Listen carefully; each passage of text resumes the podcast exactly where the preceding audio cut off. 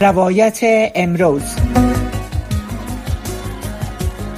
روایت امروز.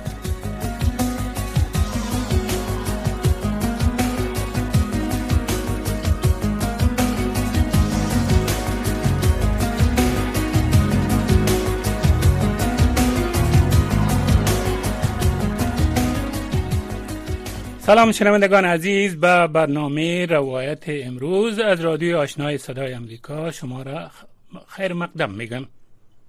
شنوندگان عزیز سرپرست نمایندگی افغانستان در سازمان ملل متحد با ابراز نگرانی از وضعیت حقوق بشری در افغانستان گفته است که این کشور با چالش های پیچیده و چند بودی اجتماعی اقتصادی سیاسی و امنیتی مواجه است.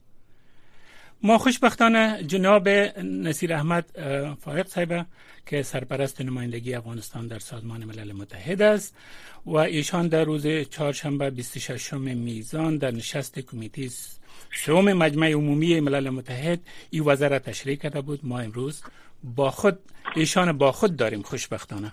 ببینیم که جناب فائق صاحب در خط تلفن هستند فائق صاحب با برنامه خوش آمدین.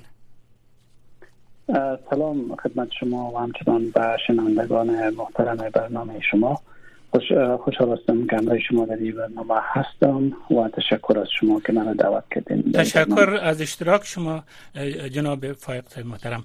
خب جناب فایق صاحب شما به طور تفصیلی در مجمع عمومی ملل متحد از چالش های چند بودی افغانستان که اقتصادی، سیاسی و امنیتی شما صحبت خوب مفصلی داشتین که او بسیار هم در مورد افغانستان در مطبوعات البته انعکاس یافت. شما اگر لطف کرده باز هم به طور تکراری اگر از چالش های عمدی که افغانستان به او مواجه است و امروز هم مردم افغانستان از این از بعضی از این چالش ها رنج می‌برن شما اگر بار یک دیگر بار دیگر اگر یک مرور بفرمایید که شنونده ما بیشتر با این چالش ها آشنا شوند. تشکر.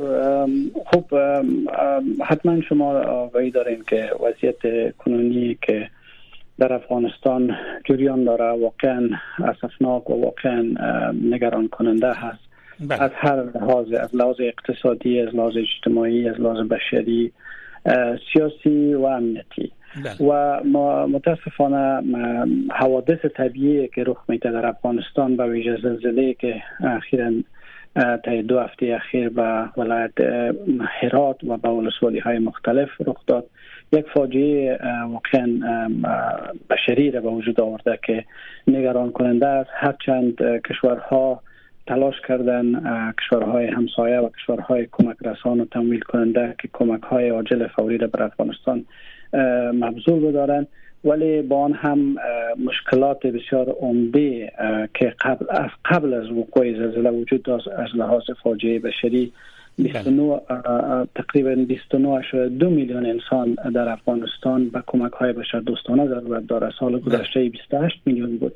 و به می شکل وضعیت مهاجرین وضعیت بیجا شدگان وضعیت بیکاری وضعیت فقر و در از لحاظ امنیت و نگرانی های امنیتی که وجود داره خطرات افزایش افرادگرایی و گروه های موجودیت گروه های تروریستی و دهشت افکن به داخل افغانستان و حملات تروریستی که در افغانستان رخ میده و ویژه هدف قرار دادن هزاره ها جامعه هزاره و اقلیت ها و مسائل تخطی های حقوق بشر که از جانب حاکمان فیلی طالبان بالای مردم به نام های مختلف صورت می‌گیره. و زندانی و شکنجه و گرفتاری های فراقانونی و کشتارهایی که صورت می‌گیره و متاسفانه تمام از این مسائل واقعیت هایی است که هم در گزارشات منشی عمومی و هم در گزارشات گزارشگر خاص منشی عمومی در مورد وضعیت افغانستان وضعیت حقوق بشر استاب بله. یافته این مسائل است که واقعیت های تلخ است و از همه مهمتر مشکل سیاسی که افغانستان امروز در یک انزوای سیاسی به سر می‌بره بله. یک حکومت مشروع و پاسخگو و مسئول که بتونه رسیدگی کنه به این مشکلات اساسی مردم افغانستان و واقعا برنامه های ملی را روی دست بگیره به خاطر مستقل از لحاظ به خاطر استقلالیت اقتصادی افغانستان به خاطر رشد و رفاه ملی افغانستان. و به ویژه وضعیت وضعیت زنان و دختران جامعه که نصف پیکر جامعه را تشکیل میتن و اینا از حق درس حق تحصیل و حق کار محروم هستند و کاملا از جامعه حذف شدن یک وضعیت تبعیض بشری و تبعیض بشری و تبعیض جنسیتی که سیستماتیک و نظاممندی که حاکم است از طرف گروه طالبا و این باعث شده که افغانستان به طرف قهقرا بکشانه و. فلج بسازه از لحاظ اقتصادی. این مسائل است که متاسفانه وجود داره ولی در سطح بین المللی شما آگاه هستین که و بحران های دیگه رخ داده که مسئله افغانستان متاسفانه در حاشیه بله، قرار داده. تحت سایه قرار می‌گیره. خب اگر به این چالش ها نگاه کنیم جناب فایق با چه تعداد از این چالش ها از زمان جمهوریت طالبایی را برس برده و تا کدام اندازه این چالش ها رو به قهقرا طوری که شما فرمودین به طرف قهقرا رفته. آیا بعضی از چالش ها از زمان جمهوریت هم به زمان طالبا انتقال نکرده؟ یا همیش تقریبا زایدی زمان است که او طالبا در افغانستان به قدرت رسیدند ببینین اگر واقعیت امر و منصفانه ما صحبت کنیم واقعیت بله. باید ما مردم افغانستان رفاه و آسایش در در اولویت قرار بدیم. شما ببینین چل سال است متاسفانه در افغانستان منازعه و جنگ و یا مداخلات بس مداخلات بیرونی وجود داره. بله. و در این رژیم های مختلفی آمدن. به نام از که افغانستان مردم افغانستان خدمت کنند مثل رژیم حاکم کنونی طالبان. بله. هیچ وقت متاسفانه مردم افغانستان واقعا هیچ رژیم نتونسته واقعا به مردم افغانستان خدمت کنه. اگر خدمت می‌کردن ما امروز متاسفانه به این وضعیت نمیدیم واقعا شخصیت های بودن یا زعمایی بودن که تلاش کردن و متاسفانه تلاش هایشان نتیجه نداد و یا که بنابر عوامل مختلف بیرونی و درونی متاسفانه وضعیت رو به خامت گرایید. و هر سال و به ویژه ما اگر امی 20 سال یا 20 سال یا دو دهه اخیره ما بله. مورد بررسی قرار بدیم متاسفانه چالش ها عوامل مختلف داشته. عوامل جنگ یکی از عوامل اساسی ازی بوده شما ببینید جنگ وقتی در زمانی که یک یک جنگ در داخل کشور وجود داشته باشه حملات دهشت افغانی و تروریستی صورت بگیره. هم مانع ادامه درس و تحصیل میشه هم مانع رشد و انکشاف میشه هم مانع سرمایه گذاری و تمام عوامل دیگه را بزرگترین علتش جنگ دو نامنیتی و بیامنیتی و جنگ است. دومش مسئله فساد است. مسائل فسادی که کمک هایی که در جامعه افغانستان سرازیر شد. متاسفانه از استفاده موثر و در, در راه رفاه و اعمار اقتصادی و, و پیشرفت افغانستان صورت نگرفت. و در پلوی از او پالیسی هایی که وجود داشت متاسفانه پالیسی های کوتاه مدت بود و یا اینکه پالیسی هایی بود که به اساس دیده طرف های مختلف در او طرح شده بود که در او دراز مدت هدف اساسیش به خاطر رشد اقتصادی و خودکفایی افغانستان نبود. و عوامل مختلف دیگه وجود داره. ولی ولی ما همیشه زمانی که فعلا ما چرا وضعیت فعلا دو سال است که طالبان در قدرت هستند و اینا هستند که مسئول هستند در برابر مردم افغانستان. اینا تمام امکانات افغانستان یک سیستم بسیار مجهز و حرس بردن از سیستم اقتصادی سیستمی که افغانستان در 20 سال اخیر سر از کار شده بود. ولی هنوز می‌بینیم که هر دو سال میزان ارقام فقر افزایش پیدا می‌کنه مردم به حالت فرار هستند مردم به حالت بیکاری به سر می‌برند بله.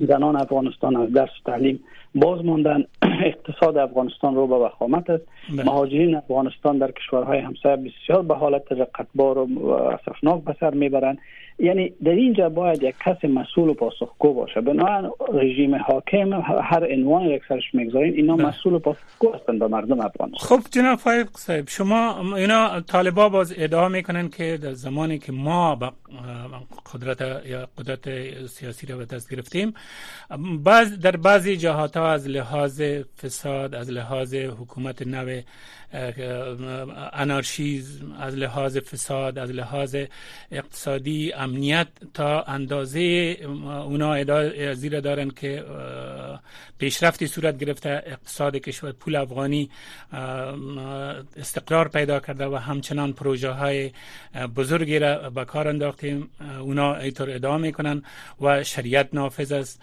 و از طرف دیگر اینطور ادعا می‌کنن که مثلا ما اگر پول پول پولای که افغانستان داشته یا ذخایر پولی که افغانستان داشت و او منجمد شده و بین ملی سر از ما پیشرفت های زیاد داشتیم. شما در برابر زی ادعای زونا چی, چی جوابی دارین؟ ببینین هر هر رژیمی که پیشتر من اشاره کردم هر رژیمی که روی کار بیایه همیشه ادعا می‌کنه که ما دستاوردهای داریم و به خاطر بله. مردم این کارهای را پالیسی را که گرفتیم. ولی شما ببینید اول خو درست است که امروز در افغانستان جنگ نیست یک کلان دستاورد است بر مردم افغانستان. ولی آیا این دستاورد دوامدار است؟ آیا این پایدار است؟ مردم افغانستان واقعا تشنه صلح بودن و هستن. همون امیر اکنون هم مردم افغانستان صلح می‌خواین. هیچ کس نمی‌خواد که خونریزی در افغانستان صورت بگیره. ولی خونریزی در فضای تنها پایان جنگ مطرح نیست و پولوش امنیت آسایش فکری مهم است. شما چقدر به مردم افغانستان طالبا یک آرامش ذهنی و فکری را ایجاد کردن. آرامش ذهنی و فکری زمانی ایجاد میشه که هر کسی که از خانه ندراید چی زن و چی مرد. باید از به فکر خوش بیرون شود که برای به طرف یک کار آبرومندانه و با عزت داشته باشه که دیگر روز به خانه خود داخل میشه. از از درآمد حلال خود بتونه فامیل خود حمایت اقتصادی کنه. امروز اکثریت مردای افغانستان بیکار هستند. جوانان دو به فرار هستند. در افغانستان یک امیدی برای آینده وجود نداره و شما سیاست ها و پالیسی های را که اینا روی دست گرفتن سیاست های به منافع مردم افغانستان نیست.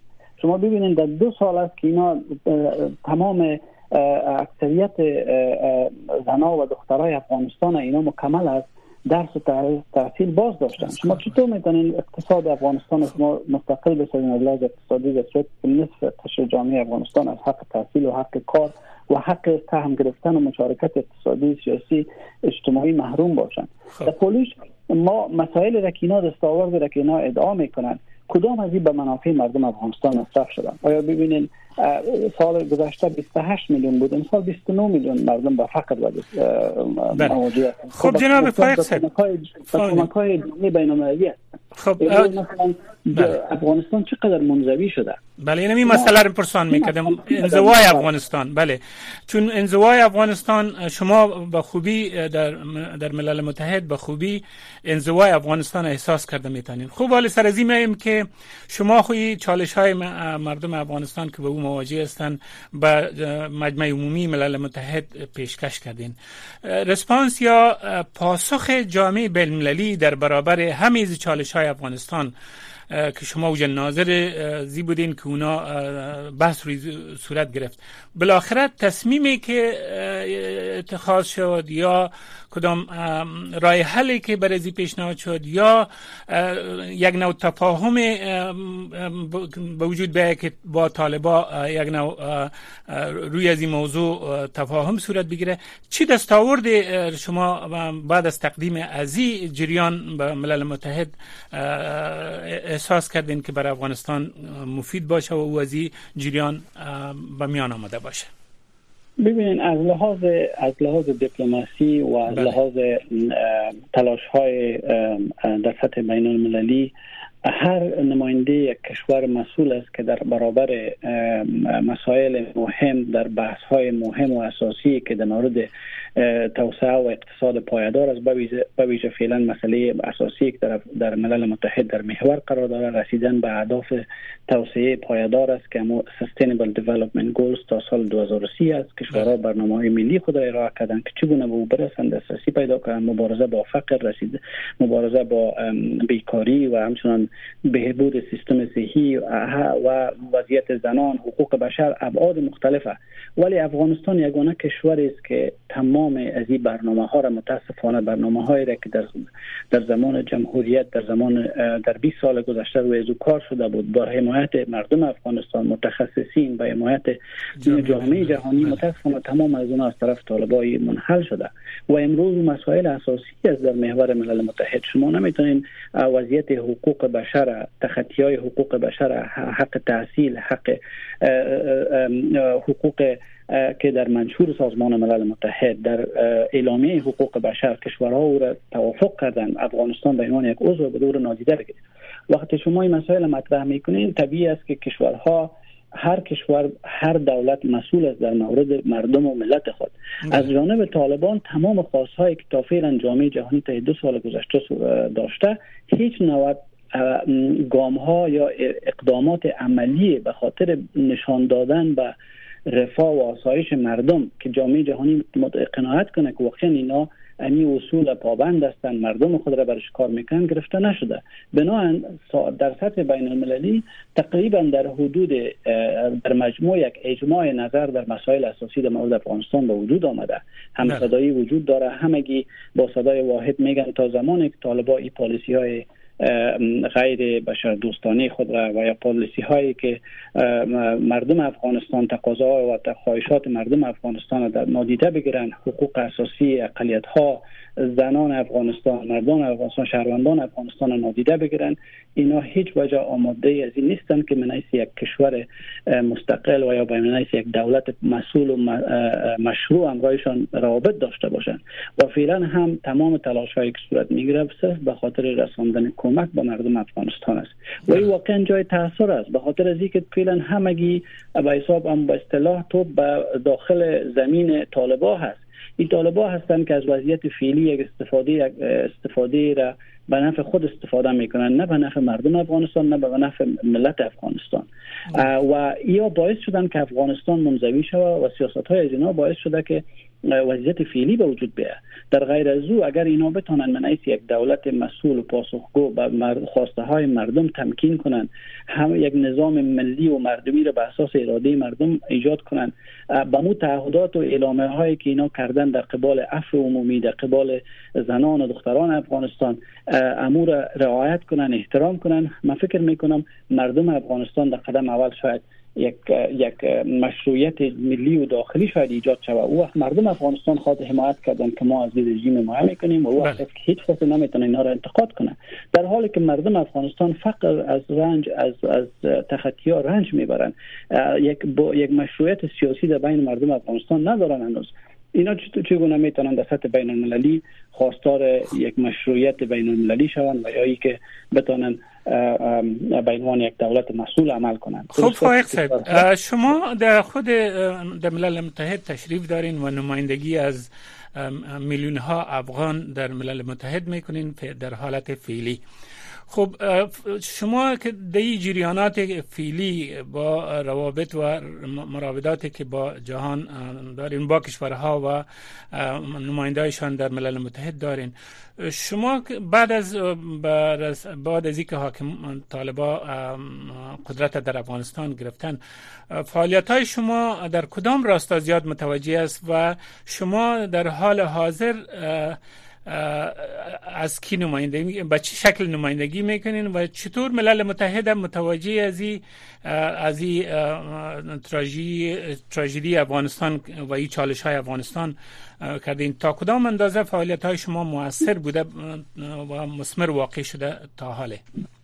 ببینید وقت عملی است که شما مثلا نمایندگی دائمی یک از بخش از نظام قانونی مشروع افغانستان که وزارت خارجه هست یک دولت رسمی می باشه و در صورتی که یک پالیسی خط و بش سیاست خارجی در که دولت افغانستان به او متحد است در سطح بین المللی همو ارزش های بشری است کنوانسیون های بین المللی است. منشور سازمان ملل متحد است. همیشه به عنوان از او از او پیروی می‌کنه و نمایندگی ها و سفارت های افغانستان همیشه او را تطبیق می‌کنن و از او تمثیل می‌کنن و از او و از حقوق اتباعشان پاسداری و حراست و حفاظت می‌کنن نمایندگی از همون دولت و سیستم خود می‌کنن. در وضعیت فعلی که ما مواجه هستیم بله. افغانستان دچار یک بحران مشروعیت سیاسی در سطح بین المللی است. یک حالت بسیار بی پیشینه است. ما یک دولت مشروع نداریم ولی به عنوان یک نماینده ملت رنج دیده ما, ما, ما با بسیار دشواری ها و با بسیار مشکلات زیاد تلاش دارم که هر کاری که من انجام میتم صدای باشم برای مردم خود. تلاش کنم به خاطر تغییر در زندگی روزمره مردم افغانستان. به خاطر رسیدن به رفاه به صلح به آسایش به ثبات. با یک رژیم مشروع قانونی ملی که به اساس اراده مردم باشه. و این شما در وضعیتی که ما قرار داریم متاسفانه جهان هم دچار بحران های بسیار مختلف است. بله بله. بحران اوکراین بحران فلسطین که فعلا رخ داده. کشورها دیگه مثل سابق نیستن که پول خود را بسیار مجانی و بیارن کمک بله. کنن بر افغانستان یا به هر کشور دیگه. وضعیت اقتصادی کشورها خودشون در حالت متحول شدن است. و ما توقع انتظار از این نداشته باشیم که مثلا یک گروه تنها یک, یک مردم گروگان بگیره و همچنان تمام کمک های بشری و مسئولیت های یک دولت بندازه به دوش جامعه جهانی و از دیگه طرف هم افتخار کنند که ما ما یک حکومت مستقل هستیم و امنیت آوردیم و درآمد و عواید بلند, بلند رفته. در. حالی که مردم ما هنوز دست ما دراز است به کمک به طلب کمک به طلب کمک های بشری. ما یک, یک در سطح بین المللی واقعا بسیار مشکل است. نمایندگی از یک کشور فقیره که سالها به کمک جامعه جهانی متکی بوده. هیچ وقت ارادی ملی ارادی واقعی از طرف از طرف مسئولین و زعما و زعمای امور گرفته نشده. واقعا این مملکت مستقل از لحاظ اقتصادی حداقل خود کفا بسازند. با توجه به قدر منابع طبیعی که ما داریم با توجه به قدر ظرفیت هایی که ما داریم. امروز افغانای ما در هر بخش چه در عرصه های سپورت ورزش است چه در عرصه های روباتیک است. در هر عرصه ببینین نسل افغانستان نسل جدید افغانستان واقعا افتخارات را آفریدن ظرفیت دارند ولی متاسفانه ما هنوز هم محتاج هستیم به کمک های بیرونی به کمک های کشورهای همسایه. اگر در حوادث طبیعی است اگر در ساحه انکشاف اقتصاد است.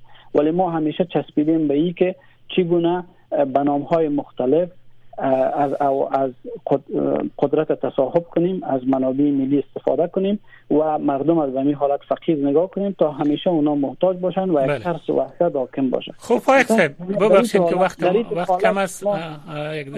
خود از بله. جهان.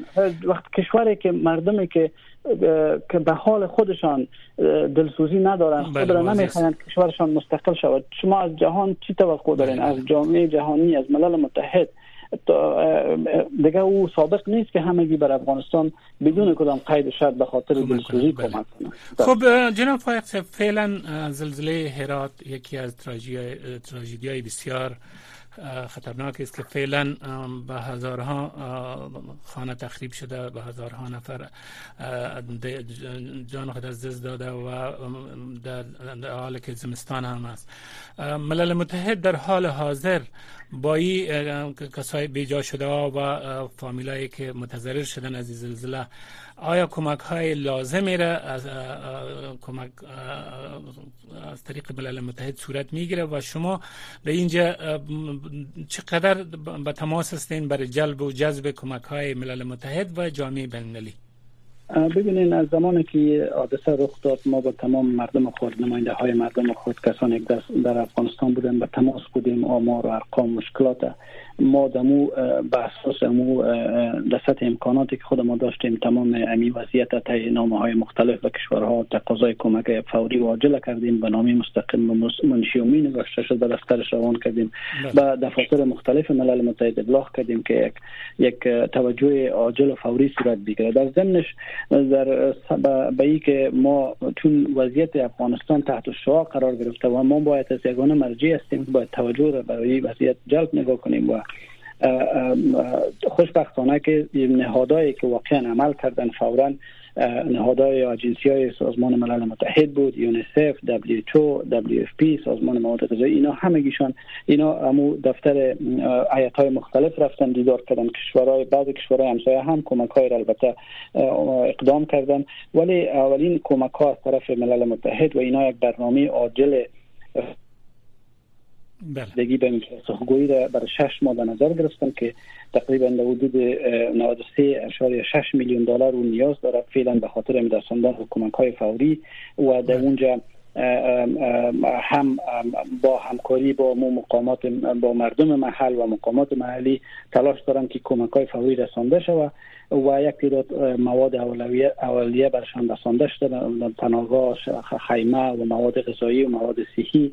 ولی هنوز همی کافی نیست به خاطر از که باید چون مشکلاتی که وجود داره کشورهایی که تعهد کمک کردن فقط می‌خواین از طریق امی اجنسی های ملل متحد و از طریق نهادهای غیر حکومتی که واقعا عمل کردن در ساحه هستن امی کمکات توضیح شود به مردم.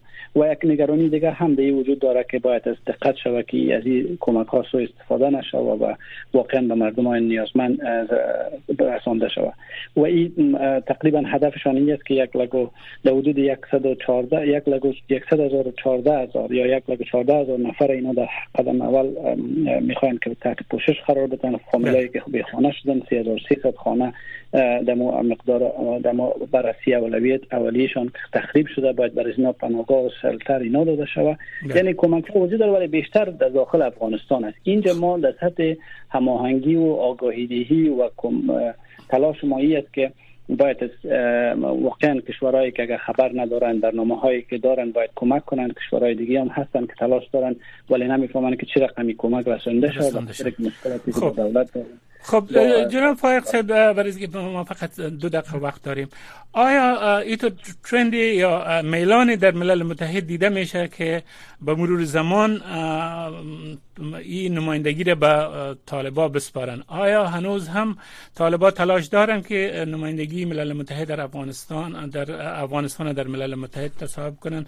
برای که بعضی از کشورها راه تعامل با طالبا گرفتن. شما چه فکر می‌کنین در که آیا امکان از این موجود است که برای در, در زمان کوتاه این نمایندگی ملل متحد به طالبان سپرده شود برای اینکه بعضی کشورات راه تعامل گرفتن با طالبان یکی تعامل است و یکی هم تعامل بله. بر اساس ما اولویت ها و ارزش ها و ضرورت ها کشورهای بله. منطقه که وارد یک تعامل شدن اونا بر اساس مسائل مهاجرین مسائل کمک های تجارت و روابط اقتصادی و بعض مسائلی را که می‌خواین مثل معمول طبق معمول بر اساس منافع تجربه داشته باشن او فرق می‌کنه بله. ولی هیچ کدام کشور منطقه تا حالا به رسمیت نشناخته موضوع کرسی افغانستان و به رسمیت شناختن وابسته است به ارتباط مستقیم داره به رسمیت به رسمیت شناختن رژیم طالبان که بله. فعلا این مسئله در سطح بین المللی اکثریت صحبت هایی را که همیشه شما در کنفرانس ها و جلسات شورای امنیت هم شنیدین از طرف مقامات